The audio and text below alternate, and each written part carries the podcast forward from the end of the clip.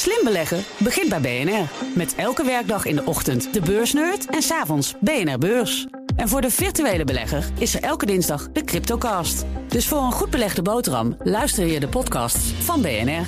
Blijf scherp. Dit is een BNR podcast. The ladies not for turning.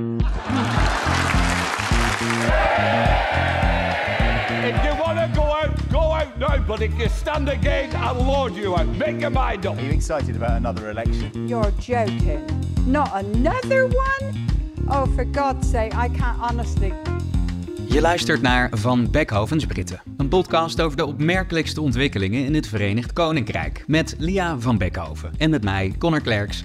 Allebei vanuit Utrecht, want je bent er weer. Gezellig, Lia. Ik ben er weer, ik ben er weer.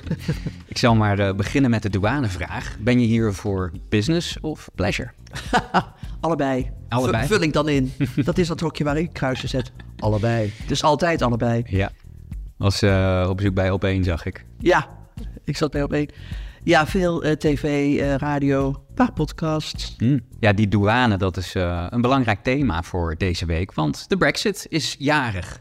Deze aflevering die komt online op woensdag en dan is het precies vier jaar geleden dat, de Brexit in werking trad. En onze dappere neven aan de andere kant van het kanaal hun soevereiniteit teruggrepen uit de klauwen van de logge bureaucraten in Brussel. Ja, dan is het natuurlijk reden voor een feestje in het VK, toch? Mm, niet echt. Kijk, want tegelijkertijd gaat er zoveel veranderen aan de grens. En dat is echt een probleem nu. Niet alleen voor de Britten trouwens, voor de Britse uitvoerders, maar ook voor Nederlandse en alle andere landen, lidstaten van de EU, die uitvoeren naar het Verenigd Koninkrijk. Want de Britten hebben bedacht dat ze vanaf 31 januari inderdaad gezondheidscertificaten willen hangen aan bijna alle producten die vanuit de EU naar het Verenigd Koninkrijk komen. En dat is nog maar het begin. Ja, en dat uh, leverde deze bijzondere intro op bij BBC Newsnight eerder deze week. It was Conservative Brexiteer Jacob Rees-Mogg who promised cheaper food after Brexit. And it was former Conservative Prime Minister Boris Johnson who said there would be no extra checks on trade. It appears both were wrong. Weet je wat zo bijzonder is?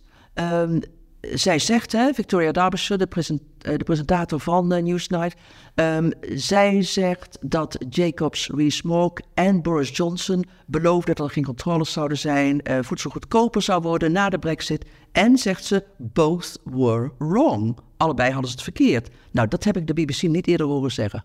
Gek hè, eigenlijk? Vind je niet? Ja. Want het gaat er niet alleen om dat um, alles anders uitpakte dan de Britten hoopten. Vooral de Britten die op Brexit stemden destijds, uh, bijna acht jaar geleden. Maar waar het ook om gaat is dat nooit iemand, zeker geen minister, zeker geen premier, daarop is aangesproken dat ze echt expliciet logen. Ja.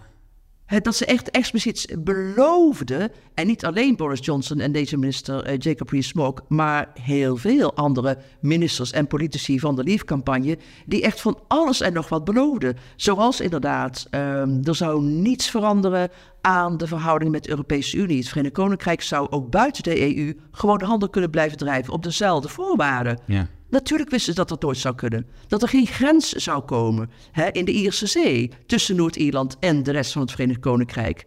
En Boris Johnson, toenmalig premier, zei toen zelfs. Um, um, je kunt alle documenten die dat beweren naar mij sturen. En ik gooi ze op de vuurstapel. Op de brandstapel. Ik bedoel, hij wist dat die grens er moest komen. Ja. Ja, goed.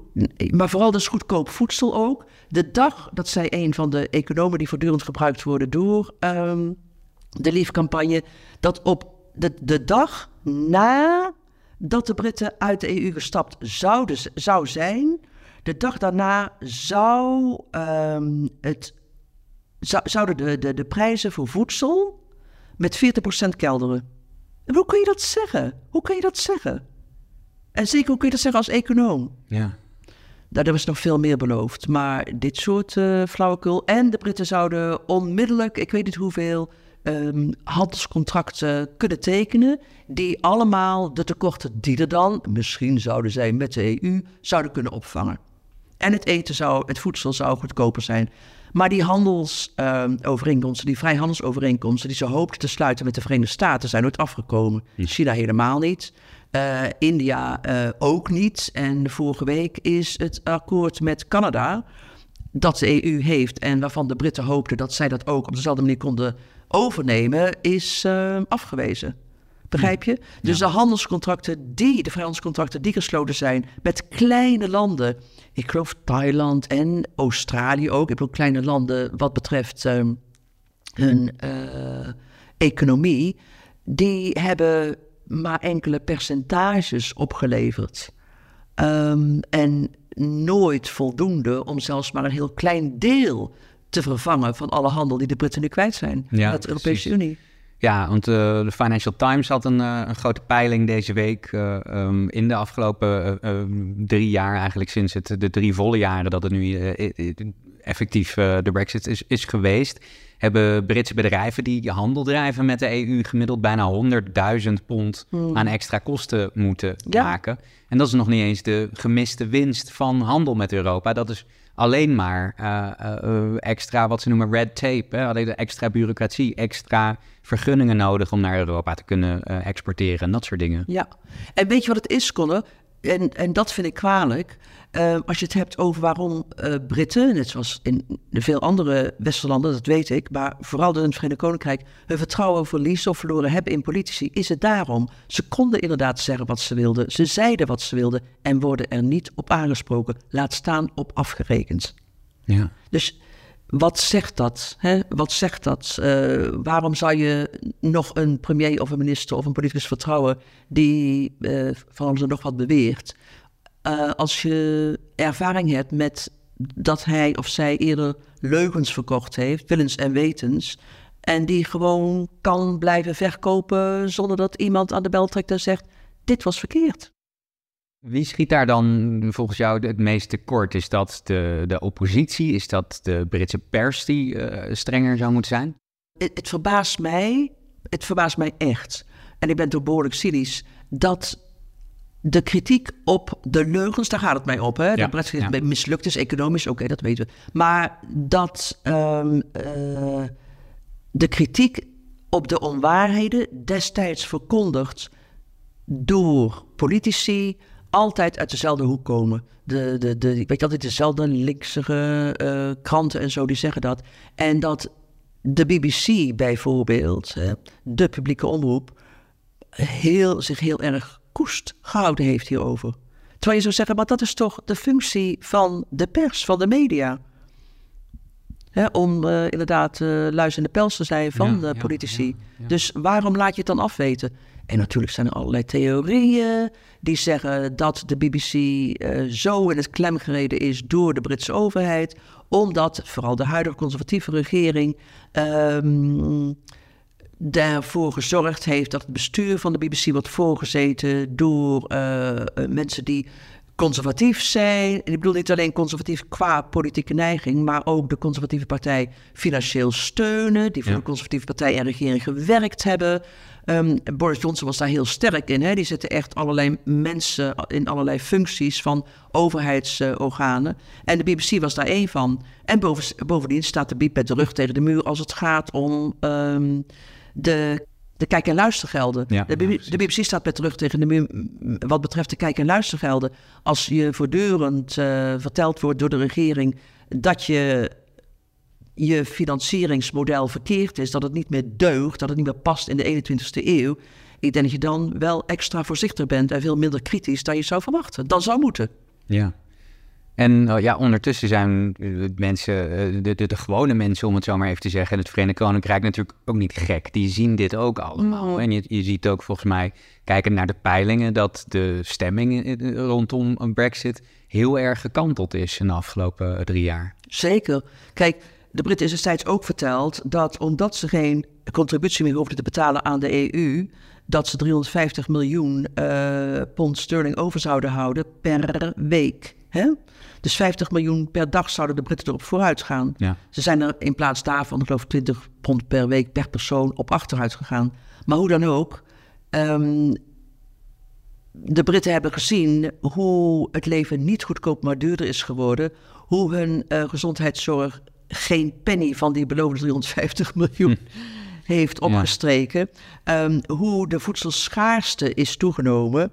En hoe het land er alleen maar op achteruit gegaan is. Je ziet misschien niet de gevolgen van de buitenlandse investeringsprojecten, die echt zo achteruit gehold zijn. Als je kijkt naar die tabellen, dat is schrikbarend. Ehm, en dat merk je ook in de city, hè, de Londen, de, de, de economie van de, de, de motor van de Britse economie. Ehm, dat merk je niet aan de lijve, maar wat je wel aan de lijf ondervindt, is dat het land verarmd is en dat Brexit daar steken een rol in speelt. Kijk maar naar de, en dat gaat nu alleen maar erger worden, want inderdaad, ook vanaf woensdag krijg je extra controles. Hè? Ja. Ehm, eh, eindelijk, inderdaad, uh, de Britten hebben het vijf keer uitgesteld, maar het kan nu niet langer. Je kunt niet meer de grenzen open blijven houden, want uh, van alles en nog wat komt het land binnen. Is het land al binnengekomen? Ja. En omdat het niet gecontroleerd wordt, omdat het allemaal te duur is, betekent dat inderdaad dat je groot gevaar loopt dat je um, ziektes binnenhaalt. Hè? Um, of geïnfecteerd vlees, bijvoorbeeld van vleesproducten.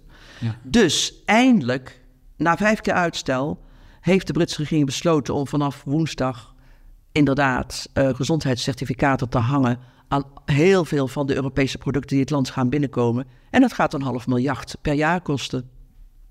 Ja, maar dus ze hebben dat, dat eigenlijk blijven uitstellen. Hè? Wat was daar de gedachte achter? Dat er dan meer tijd was voor voorbereiding of iets dergelijks?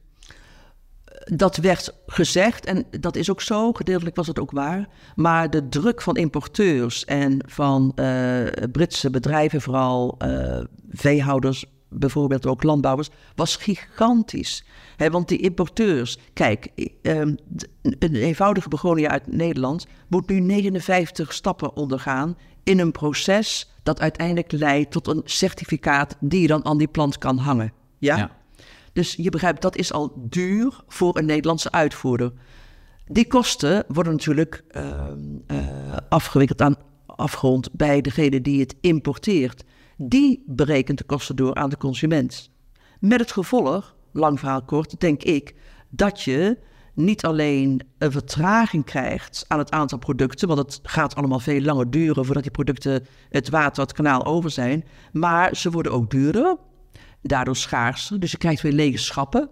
Ja. Hè, dat hebben we al een keer gehad en in sommige gevallen zijn die ook gebleven en minder producten. Ik denk echt dat het een probleem gaat worden om uh, over een paar weken nog in een aantal zaken uh, wat zal ik zeggen, Spaanse chorizo te vinden. Ja. Of Italiaanse hammen. Of gespecialiseerde Nederlandse kazen. Zijn er genoeg bloemen uit Nederland voor um, Valentijnsdag of Moederdag? moederdag? Ja. dat, is echt, dat is echt een realistisch uh, Ja, ja, want je, je noemt nu al echt, echt hele specifieke regionale uh, producten, zoals, ja. chorizo bijvoorbeeld. Maar als je kijkt naar wat er volgens mij in uh, het VK wordt geconsumeerd en wat er wordt geproduceerd, gaat het ook om echt hele eenvoudige dingen. De, rundvlees en allerlei andere dingen die ook, ook, uit andere uh, streken komen, toch? Precies. En er zijn te weinig, het ligt niet alleen, uh, alles ligt niet alleen altijd aan het Verenigd Koninkrijk. Ik bedoel, er zijn te weinig um, uh, veterinaire inspecteurs. Hè? Nederland heeft er heel veel opgeleid toen Brexit dreigde te gebeuren. Maar er is nog steeds een tekort. Dus dat is al een probleem in, in dit geval Nederland en de andere lidstaten. hetzelfde geldt voor het Verenigd Koninkrijk. Want binnenkort, en dat was nog, dit is maar de eerste stap die eigenlijk al vier jaar geleden had moeten gebeuren. Dit is dus maar de eerste stap.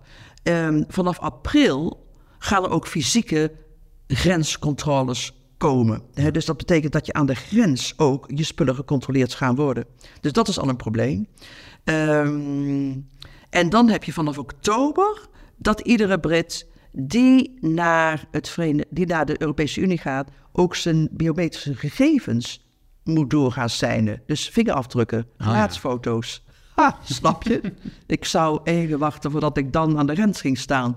Jongen, ja. Ja, dus, dus, dus het, het wordt erg ingewikkeld. En dat, denk ik, heeft... Dat begint nu ook in te dalen bij uh, de Britten. Dat destijds Boris Johnson sprak van de, een, een, een deal die hij gesloten had vier jaar geleden... die af en ready was, hè, klaar voor de oven. Ja. Nou, die deal was er niet eens ontdooid. Uh, uh, ik bedoel, en nog steeds zou je kunnen zeggen, weten de Britten niet precies wat ze nou nog steeds niet met die brexit aan moeten. Maar wat de Britten wel inmiddels doorhebben, is dat brexit nooit af is. Ja. Brexit is nooit een kwestie van stoppen we in de oven, zetten we aan, huppakee, klaar, afgelopen. Brexit blijft. Want, en dat is de volgende vraag, wat ga je doen eh, als de Europese Unie iedere keer weer, laten we zeggen op het gebied van milieu, nieuwe wijzigingen, nieuwe afspraken, nieuwe regels doorvoert? Blijf je ter wille van je markt in de lidstaten datzelfde doen om het iedereen makkelijker te maken, hè, die wil uitvoeren naar het Verenigd Koninkrijk? Of zeg je, we slaan een hele andere kant op en we gaan onze eigen gang gaan. Kijk, en dat laatste is wat die Brextremisten wilden. Ja. En ik denk als de Brextremisten een zin hadden gekregen, dat misschien Brexit wel geslaagd zou zijn geweest. Ik, jij kijkt verbaasd. Maar econo- weet je wat ik, economisch gesproken, en dan bedoel ik, wat die Brextremisten wilden, is van eh, het Verenigd Koninkrijk eh, een soort ehm, Singapore aan de Theems maken. Hè? Ja, dat Londen werd werd toen Singapore aan de gezegd, Precies. En je begrijpt wat daarmee bedoeld wordt, hè? Net zoals Singapore, ehm, Weinig belasting, Precies. handel. vrijhandel. Heel de eh, wereld komt daar naartoe om zaken te doen. Juist. En je betaalt als burgers ingezeten. Ik geloof dat je voor onderwijs betaalt. Hou me te goed door, maar dat geloof ik. En voor gezondheidszorg en zo. En je rechten zijn toch vrij beperkt. Je vrijheden zijn vrij beperkt. Maar als het gebeurd zou zijn, wie weet, was Brexit dan inderdaad economisch een gigantisch succes geweest. Maar daar hebben de Britten geen zin in. Maar die hechten aan een gratis gezondheidszorg, hoe gebrekkig ook. Die hechten aan hun vrijheden. Hè, die hechten aan eh, hun kinderen naar school kunnen sturen in de wetenschap dat ze daar geen rekening voor krijgen. Ja. Dus dat werd hem niet. En dat betekent dat de Britten op den duur toch besloten hebben, vooral onder Rishi Sunak, dat ze niet die ehm, eigen weg inslaan en zo dicht mogelijk tegen de Europese Unie blijven aanzitten. Ja. En dat betekent permanent, permanent beslissen of je die regels, die nieuwe aanpassingen van Brussel, of je die ook invoert. Ze doen het niet hoor. Ik bedoel niet allemaal. En dat betekent bijvoorbeeld dat er, ehm, vooral op het gebied van milieu, dat er veel meer eh, pesticiden in de grond zitten in het Verenigd Koninkrijk. Ja. Dat Britse bedrijven veel meer chemicaliën gebruiken. Dat dat één, niet de belangrijkste, maar wel één van de redenen is waarom alle rivieren in het Verenigd Koninkrijk vervuild zijn. Veel erger dan de rest van de EU. Snap je? Ja. Maar ik denk dat zou je ooit een nieuwe premier krijgen, eh, zoals Keir Starmer van Labour, hè, volgens de peilingen gaat dat gebeuren, ehm, dat je dan wel een regering hebt die nog dichter tegen de EU gaat aanzitten. Hmm. We hebben het heel vaak gehad in deze podcast over eh, Brexit als een, een soort onderwerp wat... eh, dus don't mention the war, hè? Het, is, het, het, Precies. komt, het komt nooit voor in, in speeches. De- Omerta. eh, eh, Ja, Labour zegt er niks over, eh Tories zegt er niks over. Dit soort dingen gebeuren nu wel. Dus de gewone Brit gaat hier wel heel hard mee geconfronteerd worden. Als ik jou een beetje samenvat, volgens mij met minder producten die ze kunnen kopen. Waarschijnlijk ook nog duurder. Volgens mij was de inflatie net een beetje beteugeld. Maar klinkt dit als iets wat daar weer averechts gaat werken? Dat was ook de reden tussen twee haakjes voor het vertragen Ja. van die invoer. Ja. Eh, want dat zou de inflatie, eh, niet veel hoor, maar het zou de inflatie wel enigszins weer naar boven doen kruipen. En dat Ja. wilden ze ook vermijden. De mensen die jij spreekt, hè, gewoon niet, niet beroepsmatig. Maar, of ja, Vrienden. part wel beroepsmatig. Maar gewoon normale Britten. Meiden die het Brexit-woord ook? Eh, tot op zekere hoogte wel, ja. Tot op zekere hoogte wel. Want ze zijn het spuugzat. Ja. Ik bedoel, die hele discussies over heeft, hebben het ook vaak over gehad. Hij heeft zoveel losgemaakt. Ehm, ik heb ook ik heb vrienden die, die voor Brexit stemden. Die wilden er helemaal niet meer over hebben. Ehm, sommigen zeggen wel, nou, we, hebben ieder, we zijn in ieder geval soeverein. Maar niet iedereen kan dat goed uitleggen. Maar oké, we hoeven niet meer te luisteren naar het Europese Hof van Justitie. Wat ook zo is. We kunnen onze eigen wetten eh, bepalen, rechten bepalen. Dat klopt, eh, dat is natuurlijk zo. Ehm, en dat paspoort. Maar ik ken niemand die zo fantastisch aan dat eh blauw-zwarte paspoort gehecht is. dat ze blij zijn dat dat een goede reden was om uit, het, uit de Europese Unie te stappen. Dat ze hun eigen paspoort en hun eigen maten weer terug hebben. Dat is toch niet doorslaggevend geweest. Maar wel inderdaad het idee van soevereiniteit. En vooral als je praat met Brexiters. En ik heb dus vrienden die Brexit gestemd hebben. Dan zeggen ze migratie. Migratie, en daar praten ze wel over. Ze hoopten Hè, dat door niet langer mee te hoeven doen aan het vrije verkeer, dus door niet langer iedereen uit wat voor Europees lidstaat dan ook welkom te heten in het Verenigd Koninkrijk, dat ze daardoor meer zeggenschap zouden hebben over wie het land binnenkomt. Nou, en dat, zelfs dat werk is niet heeft niet gewerkt. Nee, dat is totaal averechts, uh, averechts eh, heeft dat gewerkt uiteindelijk. Hè? Helemaal. Ik herinner me nog ehm, dat destijds, tijdens dat referendum 2016, premier Cameron het had over het eh, eh, onder de grens van 100.000 houden van migranten. En vorig, in in twee- 2022, het laatste jaar waar die cijfers, waar het aantal eh, migranten gemeten is, bleek dat er 745.000 migranten het land binnenkwamen. Ja. Kijk, en dat is ook een reden waarom heel veel mensen die op Brexit gestemd hebben zeggen: het werkt niet. Niet, dat is ook belangrijk, denk ik. Niet dat ze geloven, dat ze niet langer in Brexit geloven, maar de manier waarop het is uitgevoerd, de manier waarop de regering het geïmplementeerd heeft, heeft ervoor gezorgd dat Brexit mislukt is.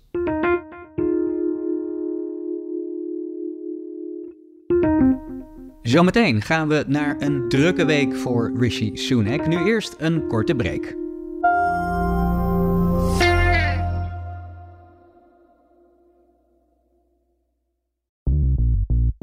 BNR ben je altijd als eerste op de hoogte van het laatste nieuws. Luister dagelijks live via internet. Bas van Werven. En heel langzaam komt de zon op rond dit tijdstip. Je krijgt inzicht in de dag die komt op BNR, het Binnenhof in Nederland en de rest van de wereld. De Ochtendspits. Voor de beste start van je werkdag. Blijf scherp en mis niets.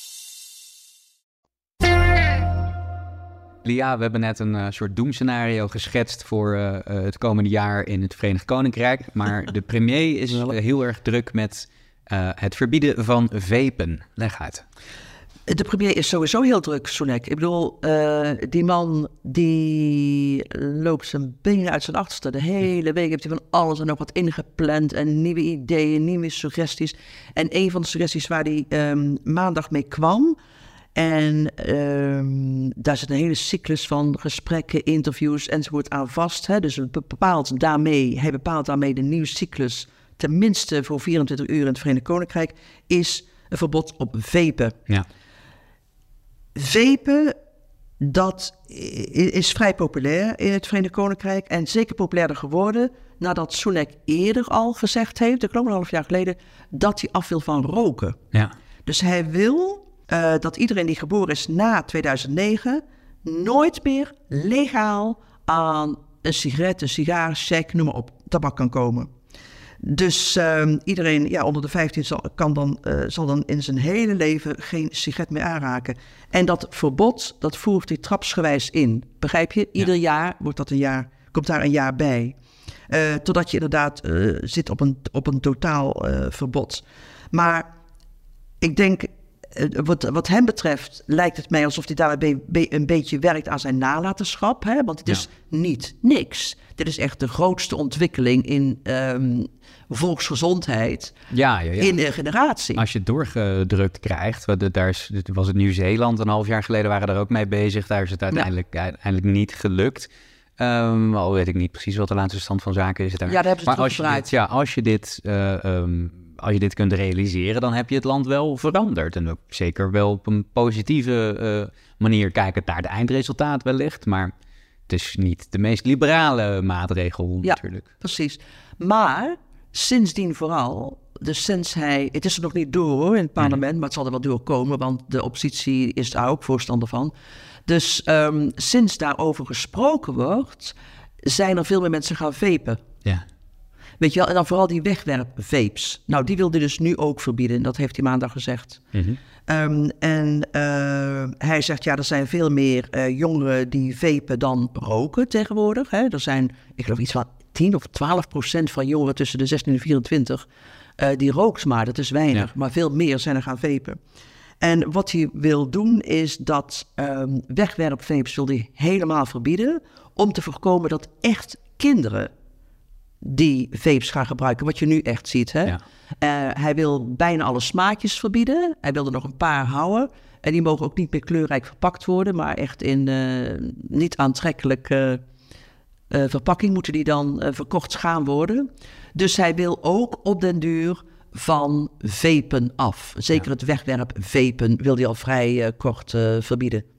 Is dat een populaire maatregel? Ja, de Britten houden wel van verboden. Daar, nee, dat is geen probleem. Maar het is niet populair bij de rechtervleugel van de partij. Nee, dat kan ik me voorstellen. Precies, en je weet wel waarom. Ja, nou, het is natuurlijk wel heel erg eh, ehm, ingrijpen door de staat. Dat is, dat is Nanny tegenovergestelde. Ja, de nanny state is tegenovergestelde van eh, de oude liberale gedachte. Precies, en dat vinden ze ook. Dat vinden mensen als Liz Truss en eh, de, de, de, de rechtervleugel van de conservatieve partij, die vindt dat heel erg. Ja. En die zei fantastisch tegen. En die roepen voortdurend, eh, dat kun je niet doen, want het is wat je zegt, het is inmenging en individuele vrijheid is ermee gemoeid. En het is gewoon niet conservatief, die, eh, die maatregel. Maar die gaat er wel komen. En ik denk dus dat Sunak zo de nieuwsagenda probeert te bepalen.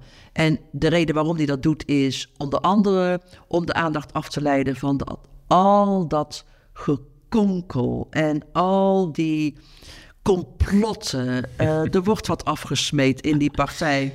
Weet ja, ze wel? zijn er weer uit aan het werken. Oh, ze ik, zijn er weer eruit aan het werken. het houdt niet op. En ik geloof dat er nu iets van zeven nieuwe groepen ontstaan zijn... die allemaal eh, verschillende namen hebben... en die bestaan uit min of meer dezelfde figuren... met misschien een paar anderen erbij. Hoe heette die nieuwe WhatsApp-groep ook weer? Ehm, dat was inderdaad zoiets van een dirty plot. Want daar zijn ze ook mee bezig. Dus hij wil dat gewoon, hij wil, hij wil die aandacht daarvan af hebben. Ja. Maar ik bedoel, je hebt geen oppositie nodig in dat land. Nee, begrijp je? nee, absoluut niet. Maar je, je zou bijna kunnen zeggen, als je nou kijkt naar wat conservatieve parlementariërs eigenlijk doen. Als je gewoon een soort eh, eh, taartpuntdiagram maakt van hoeveel tijd zijn we, hoeveel tijd ben je kwijt aan je constituents, eh, en hoeveel tijd met e-mails behandelen. Je moet zoveel tijd moet je in het, het, het lagerhuis staan om te debatteren. En je bent 10% van je tijd kwijt met gekonkel om van je baas af te komen. Voortdurend. Voortdurend. helemaal ingeburgerd. Ja, en het gaat ver hoor. Ja. Het gaat echt ver. Want een paar weken geleden was er een hele. Ik geloof niet dat wij daar veel aan gedaan hebben. Maar het was er een, een, een, eh, een peiling afgedrukt in het lijfblad van de Tories, hè, de Daily Telegraph, ook wel de Daily Torygraph genoemd. En die peiling, nou, in, in- die peiling die ging over als we nu verkiezingen zouden houden, dan zou het land, de conservatieven, alle hoeken van het land laten zien, alle hoeken van de Kamer laten zien. De Tories zouden, ik geloof van de, hm, die, die zouden nog maar 100, 100 of zo zetels overhouden. Ja. Het was echt schandelijk, het was vreselijk. Het betekende het einde van de conservatieve partij, het einde van de beschaving. Dus ehm, eh, begonnen meer mensen de rechtse vleugel te proberen om zich van Sunak te ontdoen. Want met een rechtsere nieuwe conservatieve partijleider had je meer kans om toch misschien de verkiezingen niet te winnen, maar er wel fatsoenlijk uit te komen als de verkiezingen ooit gehouden gaan worden. Ja. Ehm, dus was dat ook de bedoeling van die peiling? Hé, hey, zei iedereen, wie heeft die peiling in feite gefinancierd? Oh ja. Waar komt die peiling vandaan? En inderdaad, die peiling is gefinancierd door een groep waar niemand achter kan komen. En degene die daar leidinggevende commentaren over schreven, zijn inderdaad degene. En met de conclusie van zonder Sunak eh, gaan we een veel betere tijd tegemoet. Dus laten we, ons, laten we die man afzetten. Dat zijn inderdaad de, de plotters geweest, de samenzweerders Ja. geweest, die achter die peiling zaten. Ongelooflijk. Die door een geheime vrienden gefinancierd zijn. Is misschien een heel gek idee, maar stel dat ze nou gewoon een keer proberen het land te besturen in plaats van dit soort dingen. Nou, dat, Misschien- precies. Nou, ik, weet- ik had zo'n leuke... Waar heb ik het liggen hier? Ik had zo'n leuke eh, Guardian ehm, eh, commentaar eh, meegenomen. Een eh, commentaar uit de, uit de Guardian. En daarin eh, schreef Marina Hyde, een van die, eh, vind ik, hele geestige schrijvers. Ja, columnist, leuk is ja. zij, hè? De geweldige columnist. Zij schreef, ehm, eh, de conservatieven zijn veel te, te druk om het land te besturen. Die hebben veel meer andere dingen aan hun hoofd. Waarom vragen ze het land besturen? Waarom Ja. zouden, hebben ze gewoon geen tijd voor? maar is, is dat de Hmm, vraag? Is dat de reden waarom Sunak wat chagrijniger is? Eh, Hij is niet blij, hè? En dat is al een tijdje zo. Mm, Weet je waarom? Ik heb het antwoord. Die man, men zegt, hij heeft een dunne huid, eh, snel aangebrand, weet je wel, daarom is hij chagrijnig. Nee, nee, nee, nee, nee, we zijn er nu achter. Die man vast iedere week 36 uur. Ja, Waarom? moet jij nooit, nooit aan denken, Connor. Nee, eh, Jij, jij mag, Nee, nee. neem, nog, neem nog een beetje van je appelgebak. Ik heb nog taart, dankjewel. Ja. Ik ken weinig mensen die zo mager zijn als jij. Maar goed, Soenek, ook niet, ook niet dik, ehm, die vast dus. En die begint daar iedere zondag mee om vijf uur 's middags. En dan eh, gaat dat door tot vijf uur 's ochtends op dinsdag. Nou, god. In die periode, nogmaals, jij moet daar niet naar luisteren, maar in die Nee. periode ehm, gebruikt je alleen water, thee en zwarte koffie. Oh, en welke dagen waren het? Vanaf zondagmiddag tot dinsdagochtend. Hm.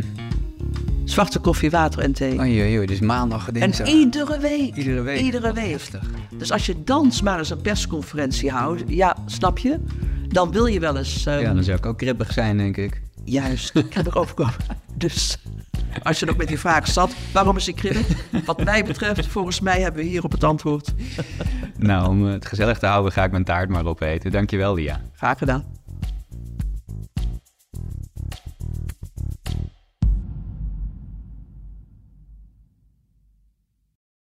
BNR Headlines. De hele dag binnen- en buitenlandse politiek. In Nederland hebben we geen munitiefabrieken. De hele dag economie. Vijf dagen in de week bezorgen, dat kan niet uit.